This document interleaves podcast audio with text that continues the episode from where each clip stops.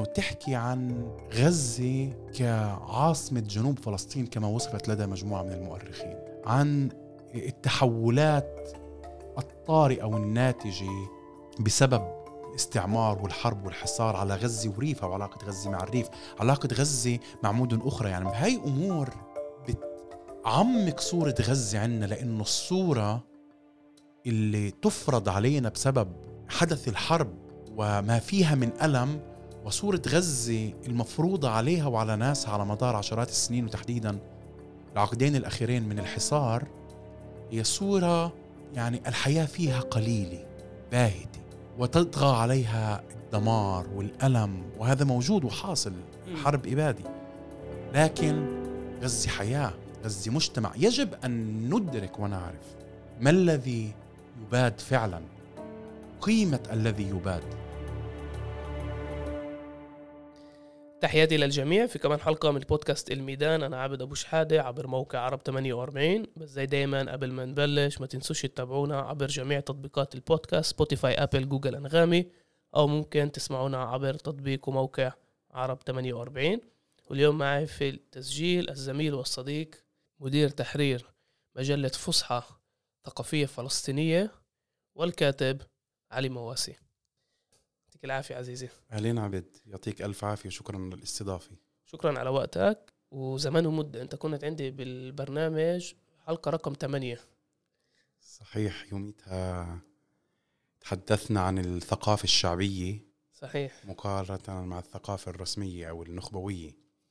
صحيح. كانت حلقة لطيفة يعني في في الأيام أو الأسابيع الأولى من البودكاست عرب 48 والميدان تحديدا. صحيح. وأيام كانت أفضل شوية.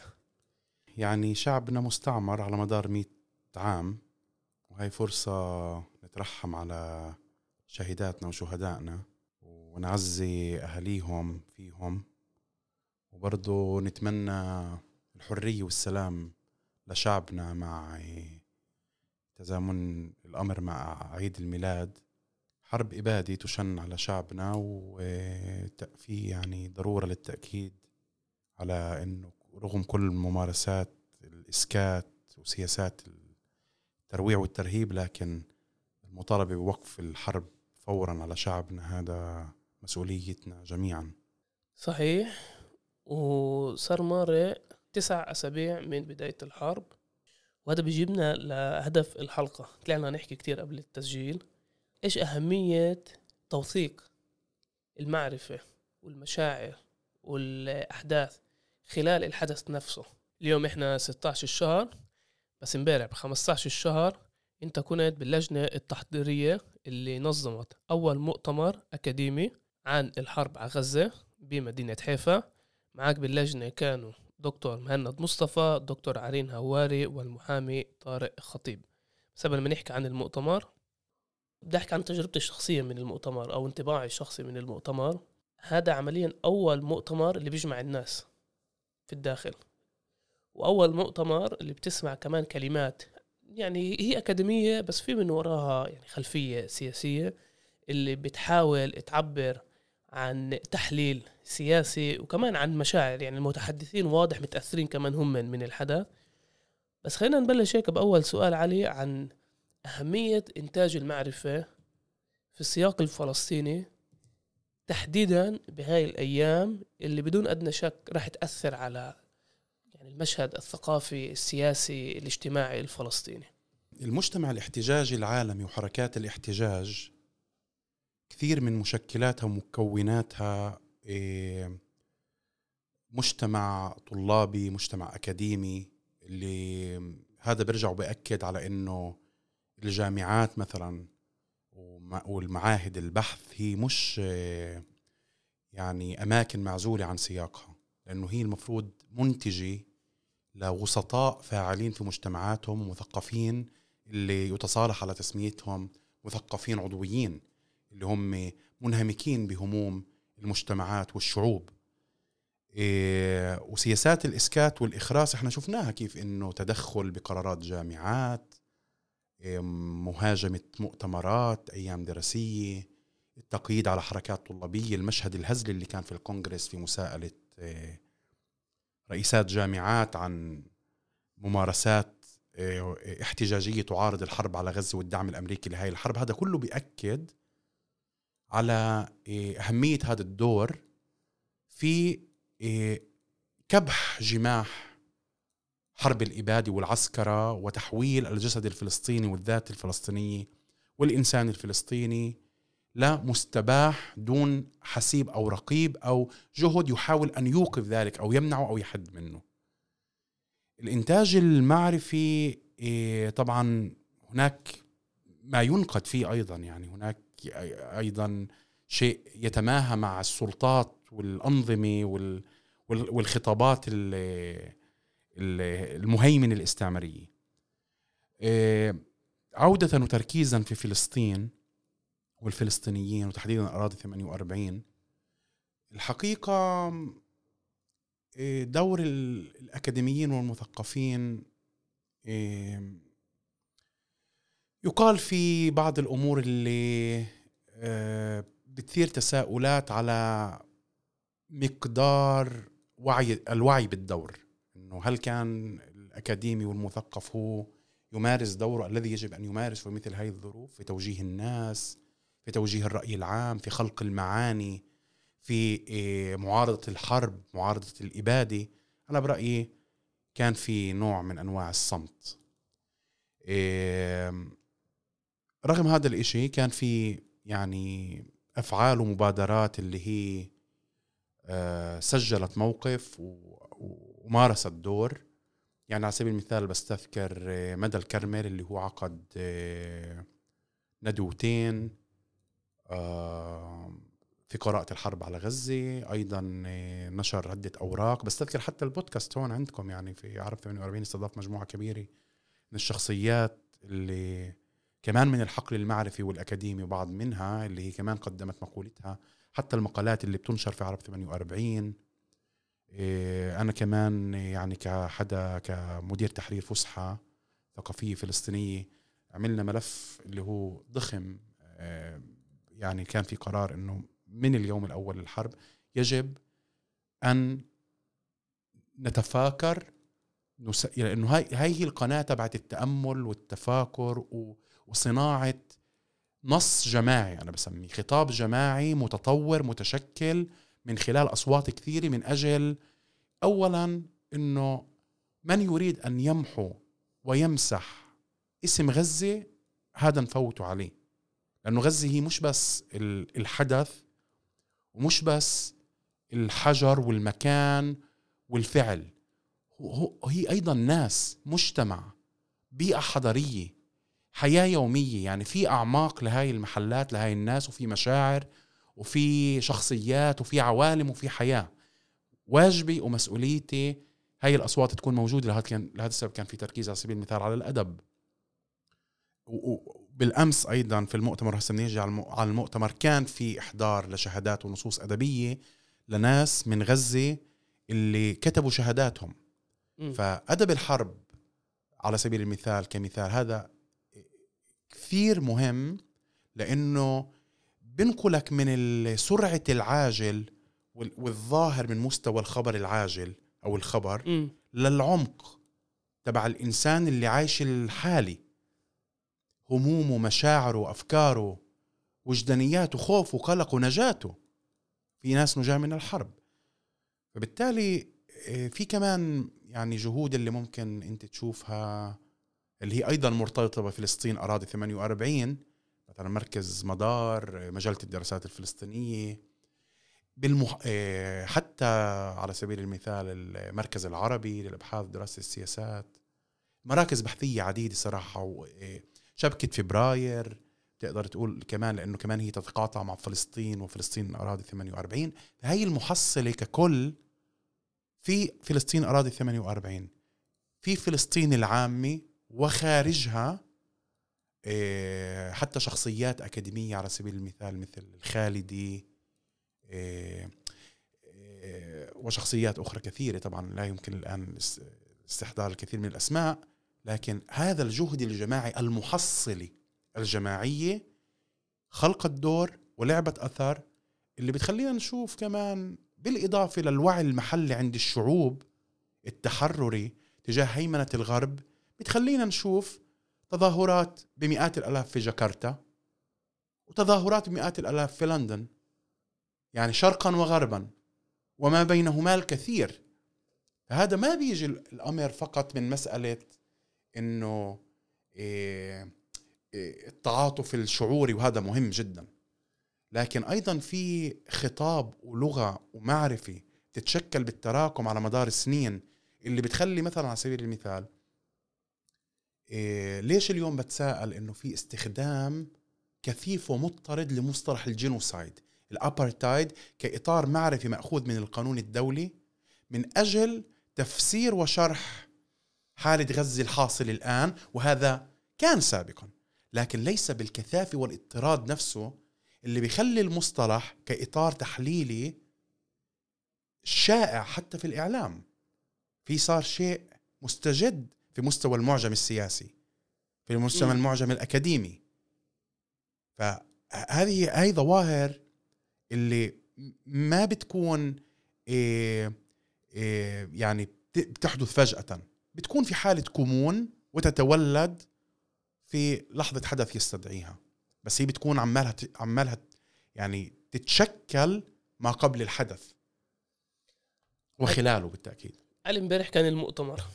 وأنا باعتقادي كان جدا ناجح ومثير للاهتمام مش بس عشان المضمون اللي كان ومش بس كمان إنه المتحدثين المتحدثات كانوا رائعين ورائعات العدد المشاركين أنا ما عدتش بس باعتقادي كان على القليله 150 شخص إذا مش أكتر و... ولا أنا عديت. آه.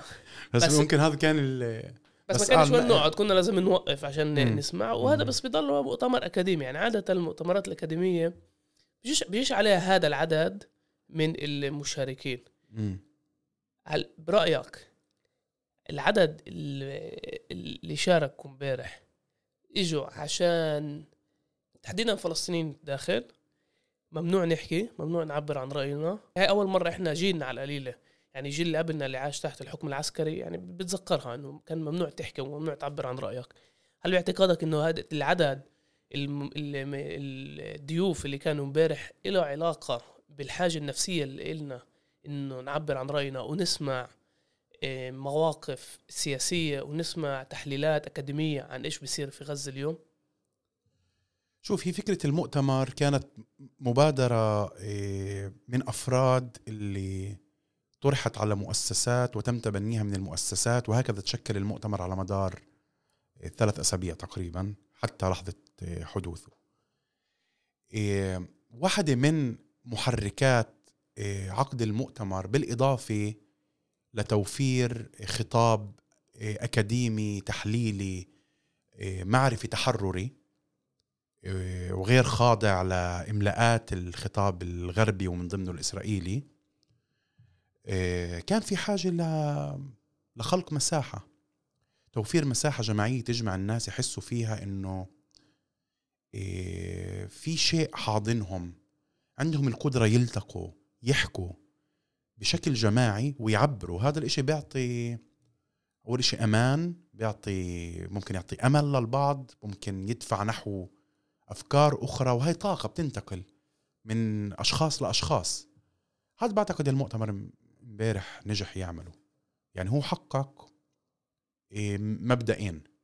مبدأ إنه إيه، في آه، أكاديميين باحثين مثقفين اللي آه، منهمكين ومهمومين. كونه شأنهم أيضا الشخصي مش بس الشأن البحثي بما يحصل في غزة وقطاع غزة وعموم فلسطين. لكن أيضا في هناك مقولة سياسية وأخلاقية. آه، بالإضافة للسؤال البحثي إنه هذا شعبنا هذول ناسنا. وحتى لو كانت المسألة مثلا عند شعب آخر يباد أو تشن حرب عليه من دون أي أعراف ومن دون أي أي رادع أخلاقي. حتى لو كان شعب عربي أو غير عربي. فرسالة أخلاقية وسياسية بأنه هذا لا يمكن السكوت عنه يجب أن يتوقف. والموقف هو بأنه الشعب الفلسطيني يتعرض لتطهير عرقي دون انقطاع على مدار مئة عام من الاستعمار الإنجليزي الذي تحول إلى دولة إسرائيل بقوانينها ومنظومة قوانينها والتطهير العرقي والحصار والتضييق والنفي والسجن هاي ممارسة. والإسكات أنت ذكرت الحكم العسكري. هاي سياسات لا تتوقف. يعني ممكن ممكن بنمط هذا الايكي جي إنه تنزل وبتطلع. هلا اكتشفنا فجأة إنه مثلا على سبيل المثال المواطني وهذا أيضا طرح في جلسات المؤتمر امبارح هي خاوي. يعني يعني ممكن أنت تستخدمها وتاخذها للمحلات النضالية تبعتك من أجل تحقيق حقوقك الجماعية والوطنية. لكن في امتحان في امتحان الأزمة امتحان الحقيقة الأخلاقية آه، وممكن تكون أيضا الوجودية لا قيمة لها. يعني هي تلغى بسبب ديكتاتورية النظام. فبعتقد أيضا المؤتمر آه، حاول أيضا يتحدى نفسه فيما يتعلق بسؤال المواطنة آه، لأنه في كان توسعة باتجاه معرفيا كيف أنا لاحظت من مداخلات المداخلين توسعة معرفية أكثر لتشمل كل فلسطين آه، انزياح نحو غزة عدم انشغال بالنفس كجماعة اللي هي في أراضي 48 إيه وهذا له معناه إنه نحن مصرون على الرغم من الشرذمه والتشتيت وصناعة الخصوصية ووهم الاستثناء إنه نحن مصرون على أن نتحدث ضمن الإطار الفلسطيني الجامع لنا فلسطينيين في وطننا.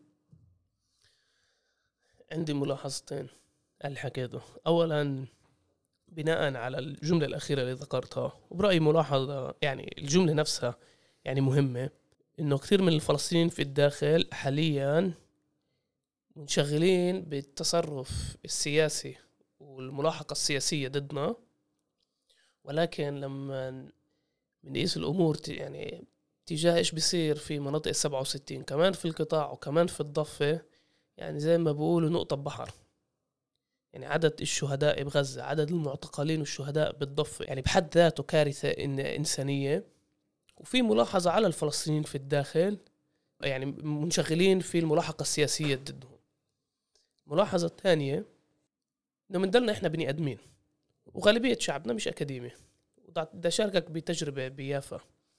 بسبب ال 48 غالبية اليافوية اللي اليوم ضلهم بيافا بعد النكبة عندهم قرايب بغزة بس عدد السكان في مدينة يافا عشرين ألف عدد اليهود اللي عايشين حوالين مدينة يافا 2 مليون.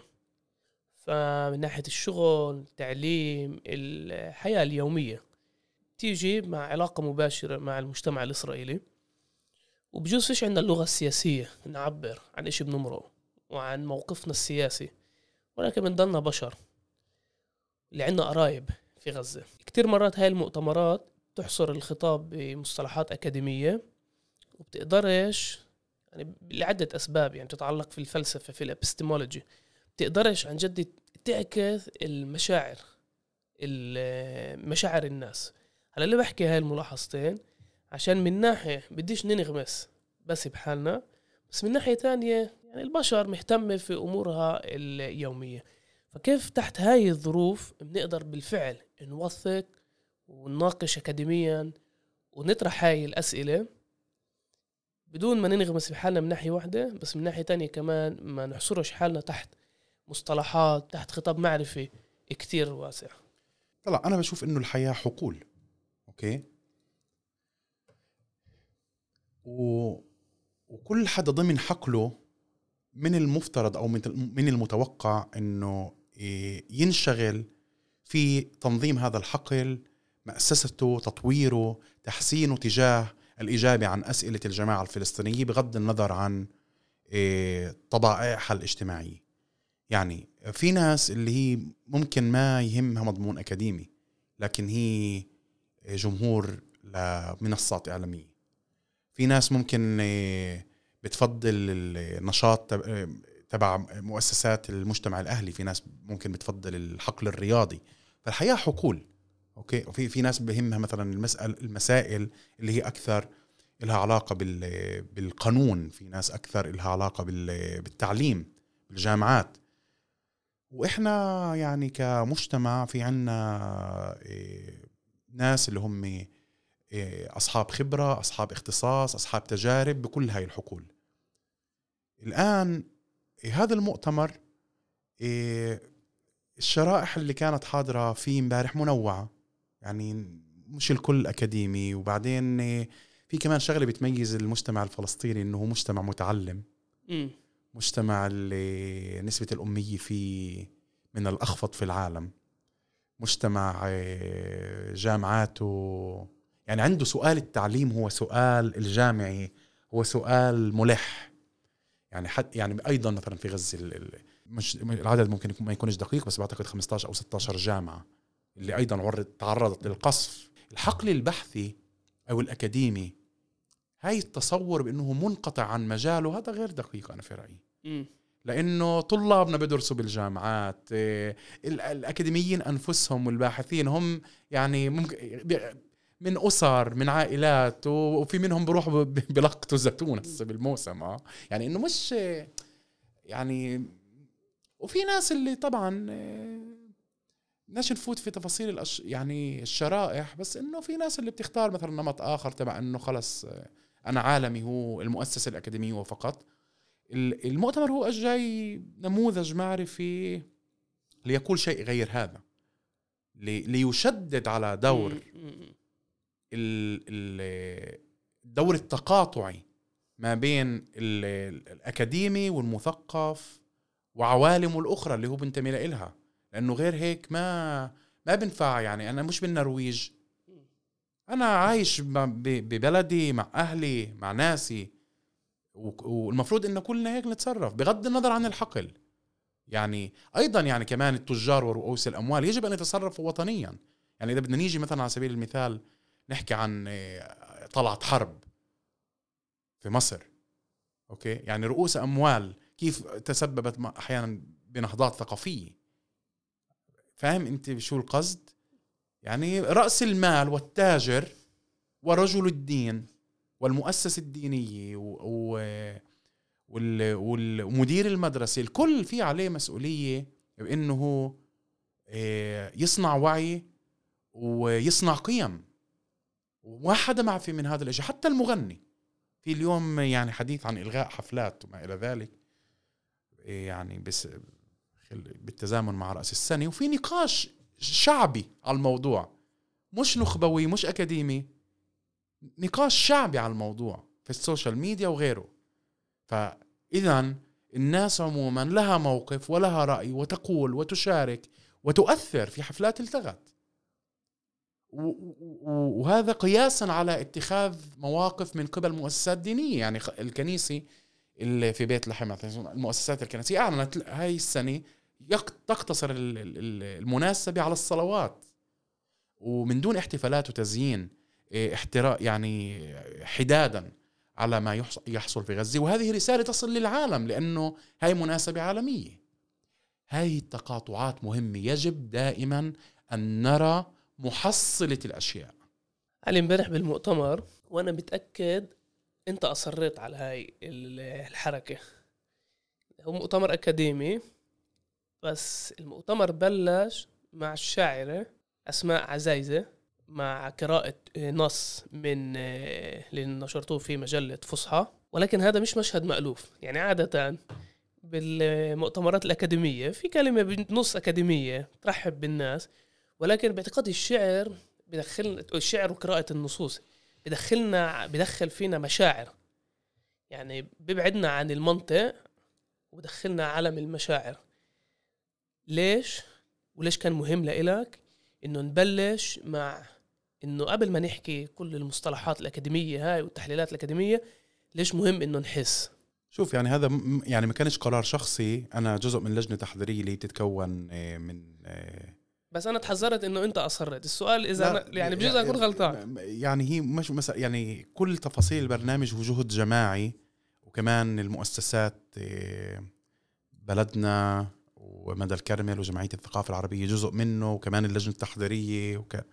فهو جو- بس إنه كان التوجه اولا عبد قبل ما يعني أحكي عن المؤتمر الأدب فن من فنون الأمة العربية الإسلامية. هذا يعني مستمر دون انقطاع على مدار مئات السنين. حتى في ال في ال في ال تاريخيا في الحروب للأديب وللشعر دور مركزي دائما. هذا ليس شيء حديث. حتى إنه قبل الصحافه هي يعني حق الحديث. صحيح. الموثق للحرب الموثق لتجارب الشعوب في سياق الحرب والنزاعات والصراعات تاريخيا كان إيه، إيه، مثقفين من أنواع آخر يعني أو إيه، وسطاء من نوع آخر قبل الصحافي. وهم في في الكثير من الأحيان أدباء. يعني القاضي الفاضل على سبيل المثال وصلاح الدين الأيوبي. يعني إحنا بنع... بالمدارس حتى بنعرف إيه، إيه، قصيدة فتح عموريا وقصة المعتصم. إيه، فهذا شيء موجود. يعني طيلة الوقت. الآن إيه، إرثي أنا اللي بحاول أقوله. الآن إيه، افتتاح المؤتمر كان بدنا إياه يكون بصوت من أهل غزة. هذا المؤتمر لغزة عن غزة ومن أجل ناس غزة بالأساس. يعني فبالتالي نحن نفتتح بأصواتهم بما يريدون أن يقولوه. هاد يعني هاي أولوية إحنا شفناها واخترنا الأدب لأنه كيف أنت تفضلت الأدب هو مش حدث الأدب هو عمق هو تجربه هو إحساس هو مشاعر هو إنسانية الإنسان. لهذا السبب الأدب موجود. يعني إحنا لغتنا بنظرة تطورية اللغة عمرها 600 ألف سنة تطورت بسبب السرد. حاجتنا لأن نحكي تسببت في تطور اللغة.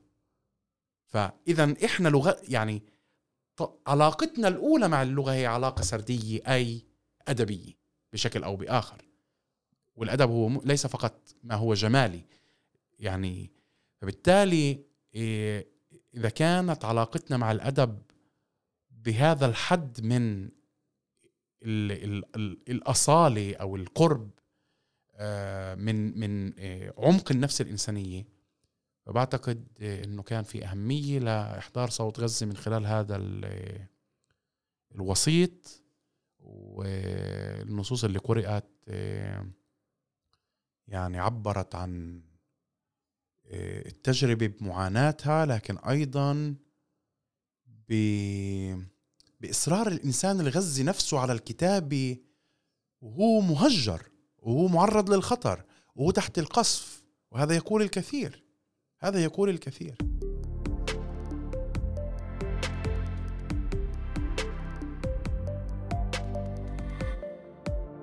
علي امبارح كان بالمؤتمر اثنين أكاديميين يهود معادين للحركة الصهيونية. الأول كان عبر الزوم الثاني كان موجود معنا إيه، بروفيسور يودا شنهاف وبروفيسور جادي الغازي هلا الاثنين لهم تاريخ في كمان بالأكاديمية بس كمان بالعمل السياسي ومعروفين بين الدوائر ال... أو بين الدوائر الحركة الوطنية في في الداخل. ولكن مشهد غير مألوف يعني روح اشرح لفلسطينيين في مناطق السبعة وستين بالشتات وفي هناك يهود أكاديميين اللي مستعدين يشاركوا بهيك مؤتمر وياخدوا آه، موقف. ليش؟ كان لكم مهم إنه يشاركوا كمان أكاديميين يهود. وإيش القيمة الإضافية اللي برأيك طلع من الصوت أو من الكلمات اللي قدموها امبارح؟ النظام الإسرائيلي إيه، والغربي عموما يحاول أن يحول رفض الصهيونية والعداء للصهيونية إلى عداء للسامية. وهذا تطرقت له امبارح في كلمتها. نادرة شلهوب كفوركيان إيه، اليهود طبعا هاي مسألة الخطاب الوطني والحركة الوطنية الفلسطينية حسمتها بكل أطيافها بأنه الصراع وليس صراع مع الذات اليهودية. إيه، هو صراع مع الاستعمار بصيغته الصهيونية. الاستعمار بما يعنيه من نفي لحق الإنسان الفلسطيني ب إيه، حريته واستقلاله وتطوره على أرضه في وطنه. آه وجود أصوات اللي هي تتحدث العبرية لغتها الأم العبرية آه في مؤتمر أكاديمي فلسطيني ينظمه فلسطينيون يدعون إلى فلسطينيين معناه إنه آه إحنا يعني لا ننظر حتى في لحظة الحرب على غزة ولا نتبنى ونرفض أن نتبنى المنطق الإسرائيلي بأنه الاستحواذ على كل ما هو يهودي في العالم. اليهودية إحنا كمان جزء من تاريخنا الفلسطينيين نحن أحق باليهودية من أي أي أحد آخر. آه، أما من أراد أن يستغل اليهودية كأداة من أجل استعمارنا نحن أيضا آه، في مواجهته. ونحن نطالب وهناك الكثير من اليهود في العالم اللي كانت أصواتهم عالية جدا تحديدا في الولايات المتحدة الأمريكية ضد الحرب الإبادة اللي عم بتصير على غزة. بالتالي خلال الحرب في وضوح لهذا الشيء بعتقد حتى عند الفلسطينيين والعرب. بإنه ما في تجاوب أو انجرار نحو ما تريده إسرائيل وما يريده حلفائها الغربيين من دمغ كل ما هو ضد الحرب أو ضد السياسات الإسرائيلية بأنه هو معادي للساميه بعدين بدي أسيب أنا هذا السؤال على جنب يعني وهي النقطة مسألة المعادلة الساميه وأجي أسأل إنه إيه مشاريع التحرر الوطني الفلسطيني تريد أن تصل بأغلبها الأعم الأعم الأعم إلى مصالحة تاريخية مع الجماعة اليهودية على قاعدة إيه، رفض الصهيونية كحركة عنصرية ضد الفلسطينيين. فبالتالي آه، وجود آه، أصوات يهودية ديمقراطية آه، مناهضة للصهيونية في مؤتمر فلسطيني هذا بعتقد شيء يعني يعبر عن الحالة اللي فعلا موجودة كمان في فلسطين وكمان في العالم. إذا ذكرت ببداية الحلقة جلسة اللي كانت في الكونغرس مع رؤساء الجامعات في أمريكا هارفارد بين وام اي تي. وجزء من الجلسة أو خلال الجلسة رؤساء الجامعات هدول اللي هم الناس جدا مثقفة وكلهم محاميين وهي هارفارد يعني هدول من أحسن جامعات في العالم بال Ivy League. ما عرفوش علي يشرحوا هاي النقطة يفرقوا ما بين اللسمية لأنه تكون تاخذ موقف ضد الحركة الصهيونية. برأيك لما بتطلع هيك أصوات من المجتمع الإسرائيلي من الأكاديميين اليهود بتفرق أو بتأثر على إنتاج المعرفة بكل ما يتعلق ما بين علاقة الفلسطينيين والجماعة اليهودية وتحديدا بالمستقبل؟ الحقيقة ما في عندي قدرة على الاستشراف للمستقبل قديش ممكن يكون مدى التأثير. لكن إيه أنا بشوف إنه في مسؤولية على اليهود إنه هم كمان أيضا يصنعوا هذا الخطاب. يعني هم يكونوا في الصف الأول في صناعته.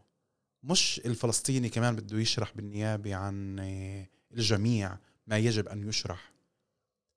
آه، في مسؤولية على المناهضين للصهيونية من كل أنحاء العالم من ضمنهم يهود أو غير يهود إنه آه، آه، تفكيك هذا الادعاء بمنهجية اللي هو يساوي بين مناهضة الصهيونية ومعاداة السامية. الآن هل ممكن نلاحظ أثر مباشر يعني يا عبد عم يعني حرب اللي مجموعة قليلة من الدول المتعجرفة داعمتها وهي مستمرة بسبب حق النقد الفيتو. عالم كامل مش قادر يوقفها.